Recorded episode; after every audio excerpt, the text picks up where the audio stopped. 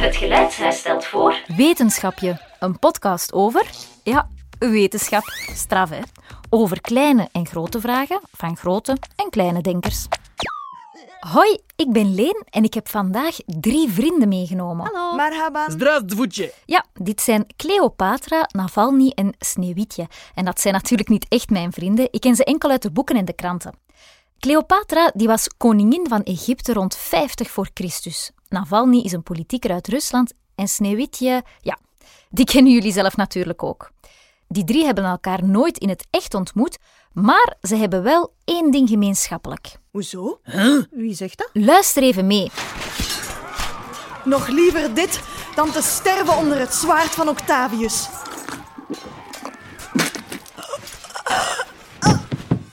Cleopatra vergiftigde zich toen de Romein Octavianus in 31 voor Christus met veel bombarie Egypte binnenviel om haar te overmeesteren.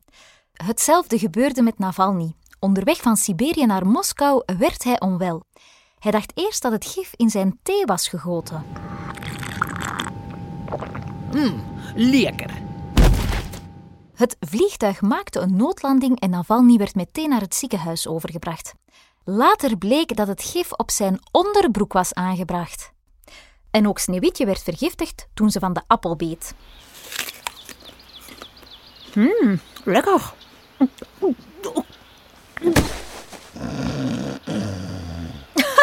Amai, Sneeuwwitje kan nogal snurken, zeg. Zou er voor die drie gevallen eigenlijk hetzelfde gif zijn gebruikt? Want Cleopatra die stierf, Navalny overleefde de vergiftiging en Sneeuwwitje die viel vreemd genoeg in een diepe slaap. Ja, welk gif zou er dan in de appel van Sneeuwwitje hebben gezeten? Dat wil ik wel eens weten. Welk gif zat er in de appel van Sneeuwwitje? Als wij nu feest vieren of iemand is jarig, dan gaan wij vaak toosten. Hè.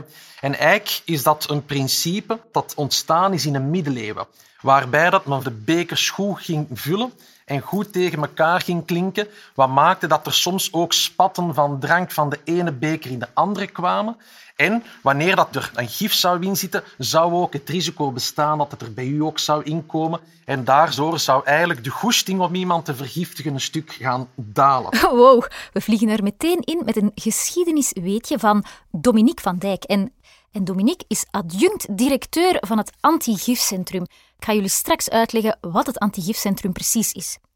Ik wil dus weten welk gif er in de appel van Sneeuwwitje zit. Maar daarvoor moet ik eerst weten wat gif precies is. Heel eenvoudig gezegd is een gif is dat een stof die dat een schadelijke invloed kan hebben op organismen en dus ook op ons lichaam. Een stof dat kan eigenlijk van alles zijn. Vloeibaar, zoals afwasmiddel, maar ook vast, zoals paddenstoelen of geneesmiddelen. En het kan ook gas zijn, giftige dampen van verf bijvoorbeeld. Er is een Latijnse spreuk. Dosis sola facit venenum, En die Latijnse spreuk wil zeggen alleen de hoeveelheid maakt het vergif. Dat kunnen we begrijpen als alles kan giftig zijn afhankelijk van hoeveel je ervan inneemt. Zo zijn er dingen die in kleine dosissen supergezond en goed en nodig zijn voor je lichaam, maar in een te hoge dosis worden ze giftig. Zelfs water. Klopt, hè, Dominique? Ja, dat klopt. Watervergiftiging die bestaat wel degelijk. Wanneer dat je op te korte tijd overmatig veel water drinkt, dan gaat de zoutconcentratie in ons bloed gaat dalen. En zout heeft als eigenschap dat dat vocht aantrekt en vocht vasthoudt. En wanneer dat die concentratie in ons bloed te laag is, dan gaat er vocht vanuit onze bloedbaan in onze weefsels komen. Dus dat wil zeggen dat onze benen, onze armen, dat die gaan opzwellen. Maar vooral wanneer dat, dat in onze hersenen gebeurt, dan is dat een levensbedreigende eh, situatie. Maar ehm, voor alle duidelijkheid, met 2 liter water per dag is niks mis. Hè? Meer zelfs, het is nodig en supergezond. Mmm, lekker. Als zelfs water giftig kan zijn, dan hebben we zonder het te weten misschien wel meer gif in huis. In ons huis bevinden er zich heel wat producten die mogelijk giftig zijn of giftig zijn. En dan denken wij bijvoorbeeld aan schoonmaakproducten, aan wasproducten, aan afwasproducten. Maar niet alleen mijn afwasproduct hier. We hebben ook geneesmiddelen in huis en ook producten voor de tuin kunnen giftig en gevaarlijk zijn. Allee, de afwas voor vandaag is ook weer gedaan. Dit is wel iets om even bij stil te staan, want al die producten zijn natuurlijk ook heel erg nuttig. Ja, hoe had ik anders mijn borden net proper gekregen? Je moet ze natuurlijk wel bewust en doordacht gebruiken en alleen, alleen waarvoor ze bedoeld zijn. Ook alcohol is een giftig product. Zeker en vast voor kindjes, maar ook grote mensen kunnen er ziek van worden als ze er te veel van drinken. Maar wacht eens, we ontsmetten onze handen wel heel vaak met alcoholgels. Zijn die dan ook giftig? Dat zijn goede producten en die zijn nodig om die te gebruiken. Maar wanneer we die gebruiken, kunnen we dat toch ook best op een juiste en op een goede manier doen. Zeker, want het percentage alcohol in handgel ligt heel hoog. Zo'n 70 tot 80 procent. Als je weet dat er in een pintje bier 5 of 6 procent alcohol zit, dan weet je dus dat dat heel, heel, heel veel alcohol is. Als je dat heel vaak op je handen smeert, dan kan je huid uitdrogen of irriteren. En mocht je het in je ogen krijgen, dan kan dat erg gaan jeuken en pikken. Dus gebruik ze voorzichtig en niet te vaak. Als je gewoon thuis bent, hè, dan volstaat het om je handen goed en grondig te wassen met zeep. Oké, ik weet al dat gif je lichaam schaadt en dat alles maar echt alles giftig kan worden, afhankelijk van hoeveel je ervan inneemt. Ik weet ook al dat iedereen gif in huis heeft. Wow, rustig. Want afwasmiddel, geneesmiddelen en alcohol die staan in je kast en als je ze te vaak in een te hoge dosis of verkeerd gebruikt, dan kan dat je lichaam schaden. Maar, voor jullie allemaal heel erg bang worden, er is ook goed nieuws. Want in België zijn we zeer streng voor producten die gevaarlijk kunnen zijn. Op elk product kleeft er een etiket. Ga maar eens kijken in de kast naar afwasmiddel. Ik zal ondertussen even een muziekje opzetten. Doe maar hoor. En, gevonden die bus afwasmiddel? Als je heel goed kijkt op dat etiket, dan kan je daar superveel informatie op vinden. Zo werken we in België, maar ook in de rest van Europa, met gevarensymbolen. En ik heb getelefoneerd met Jona de Leijen van de Federale Overheidsdienst Gezondheid.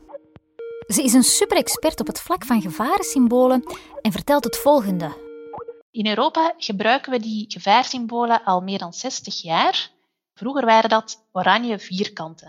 Maar ondertussen hebben die een rode kleur. Wij associëren die rode kleur automatisch met gevaar en risico's en verbod. Denk ook maar bijvoorbeeld aan een rood stoplicht, aan de rode coronalanden, um, rode verkeersborden. En in die rode ruiten staan er ook symbolen. En inderdaad, ook de afbeelding in de gevaarsymbolen trekken onze aandacht op het gevaar. Een afbeelding zegt ook veel meer dan een lange tekst. En als jullie nu kijken op jullie flesje afwasmiddel, welk symbool vinden jullie dan terug? Bij mij staat er een rode ruit met in het midden een groot uitroepteken. Wat wil dat zeggen, Jona? Dat symbool staat op producten die een allergische reactie kunnen geven.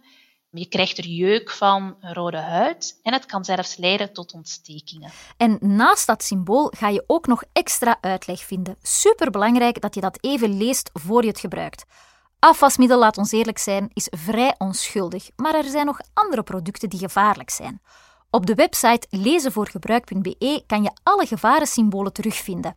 En er is een vrij nieuw symbool. Hey Jona? Dus een nieuw symbool dat veel mensen nog niet goed kennen, is eigenlijk het symbool met een um, zwart mannetje met een ontploffende borstkas. Oei, dat klinkt wel heel vies. Dat symbool komt op producten die heel gevaarlijk zijn voor de gezondheid. Ze kunnen er bijvoorbeeld voor zorgen dat we later kanker krijgen en dat bepaalde van onze organen, zoals onze lever en nieren, minder goed gaan werken en er zelfs ook voor zorgen dat we later moeilijker kinderen kunnen krijgen. Dat klinkt allemaal wel heel griezelig. Op welke producten vinden we dat symbool terug? Op klusproducten, zoals op lijmverwijderaars en verfverdunners. Oké, daar moeten we dus gewoon afblijven. Een tip voor je mama en papa, misschien luisteren ze mee en anders kan jij het hen straks vertellen. Als ze in de winkel zijn, kunnen ze steeds etiketten vergelijken. Misschien vinden ze wel een alternatief dat minder schadelijk is voor de mens en het milieu. Minder gevarensymbolen op de verpakking is dus minder gevaarlijk. En dat symbool met die ontploffende borstkas moeten we proberen vermijden. Een ander symbool dat jullie zeker en vast ook kennen, is het symbool van het doodshoofd met de gekruiste botten. Zelfs in de 19e eeuw gebruikte men in New York al het symbool op containers waarin heel giftige stoffen zaten. En lang voor de 19e eeuw ook al. De piraten op hun schepen hadden vlaggen van doodshoofden om te laten zien dat ze gevaarlijk waren. Ah! Oké, ik onthoud dus dat we best altijd even het etiket lezen voor we het product gebruiken, want daar staat heel nuttige info op, zoals de gevarensymbolen. Maar stel nu dat ons broertje Lucas hier per ongeluk van de fles wasverzachter heeft gedronken. Lucas! Oh, wist ik veel. Ik dacht dat dat fristie was. Oh nee, en wat moeten we nu doen, Dominique? Wat we vooral niet moeten doen, is panikeren. Oké, Waarschuw uw ouders, alarmeer ze. Lees het etiket. Hè. en je moet niet bang zijn hoor, om aan je ouders op te biechten dat er iets stoms gebeurd is. Ze zullen je zeker en vast helpen. En mochten ze boos lijken, hè, dan is dat enkel omdat ze ongerust zijn. Ook het antigifcentrum bellen is een topplan. Als u naar het antigifcentrum belt, dan krijgt u altijd een arts of een apotheker aan de lijn en iemand die nog extra bijgestudeerd heeft rond vergiftigingen. En die mensen kunnen u dus keihard helpen. Oké, wow, wij zijn al superveel te weten gekomen. Gif is van alle tijden. Cleopatra gebruikte het al en ook in onze tijd, denk aan Navalny, worden er nog mensen vergiftigd. Gif is gevaarlijk. Maar in België zijn er superstrenge regels en wetgevingen. En op verpakkingen van gevaarlijke producten kleven gevarensymbolen, die ons vertellen waarvoor we moeten oppassen. In de tekst naast de symbolen vind je hoe je het product moet gebruiken. Maar ehm, wat gaat ons broertje allemaal voelen nu hij van iets gedronken heeft dat helemaal niet de bedoeling was? Veel producten vaak gaan reageren via ons maag-darmstelsel. En dan gaat dat zorgen voor klachten zoals misselijkheid, eh, overgeven, buikloop. Maar soms kan het opgenomen worden in de bloedbaan en dan gaat onze suikerspiegel dalen. En suiker is eigenlijk dat de enige brandstof van onze hersenen. En wanneer die suikerspiegel dus te laag gaat worden, dan gaan wij ook minder goed kunnen nadenken en gaan we zelfs een verminderd bewustzijn krijgen. En in erge gevallen kan dat zelfs leiden tot, eh, tot comateuze toestanden. Wow, in coma geraken, dat is super ernstig. Hoe zit dat nu met het gif in de appel van Sneeuwwitje? Want eh, die is nog altijd niet gestopt met snurken. Ik ben alvast even gaan opzoeken hoe het gegaan is met Cleopatra en Navalny. Navalny die is vergiftigd door het zenuwgas Novichok. Hij heeft het wel overleefd, maar het is eigenlijk een uiterst dodelijk gif. Bij de dood van Cleopatra zijn er vooral heel veel onduidelijkheden. In sommige boeken zegt men dat haar haarspeld gedoopt was in gif en dat dat dan via de huid werd opgenomen. Maar hoe zat dat dan bij Sneeuwwitje? Ik heb heel veel opzoekwerk gedaan naar gif. En het zou arsenicum geweest kunnen zijn. En arsenicum, dat is een zwaar metaal. Dat was vroeger een gif dat vaak en veel gebruikt werd in de zogenaamde klassieke oudheid. En dat was een product dat eigenlijk tot uh, twee eeuwen geleden was dat eigenlijk niet te ontdekken, niet te detecteren. Arsenicum dus. Maar de symptomen van een vergiftiging met arsenicum zijn hevige krampen, hevige buikloop en misselijkheid. En Sneeuwwitje die viel in slaap zonder buikkrampen. Misschien was het dan gif gemaakt van gevlekte scheerling. Uh, dat is een soort onkruid dat heel erg op, uh, op kervel trekt. Maar de symptomen zijn onder andere dat je verlamd raakt, maar volledig bewust blijft. En Sneeuwwitje die viel in slaap. Misschien was het dan cyankali. Een heel populair poeder, hè. dat is een wit poeder dat heel makkelijk oplost in water. Het heeft zowat een amandelgeur. En je wordt er duizelig van en verliest het bewustzijn. Oké, okay, dat zou dus kunnen. Want slapen is een beetje buiten bewustzijn vallen. Maar ik heb nergens kunnen terugvinden dat je na een vergiftiging met cyankali kunt wakker gekust worden. Wat denk je zelf, Sneeuwwitje? Oké, okay, Dominique, welk gif zat er in de appel van Sneeuwwitje? Wat denk jij? ik denk dat dat een bepaald sprookjesgif moet geweest zijn.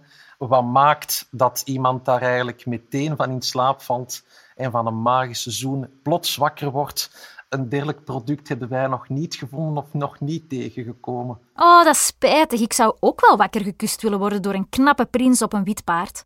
Nee, misschien liever een knappe prins op een skateboard. Die coole tricks kan en zo.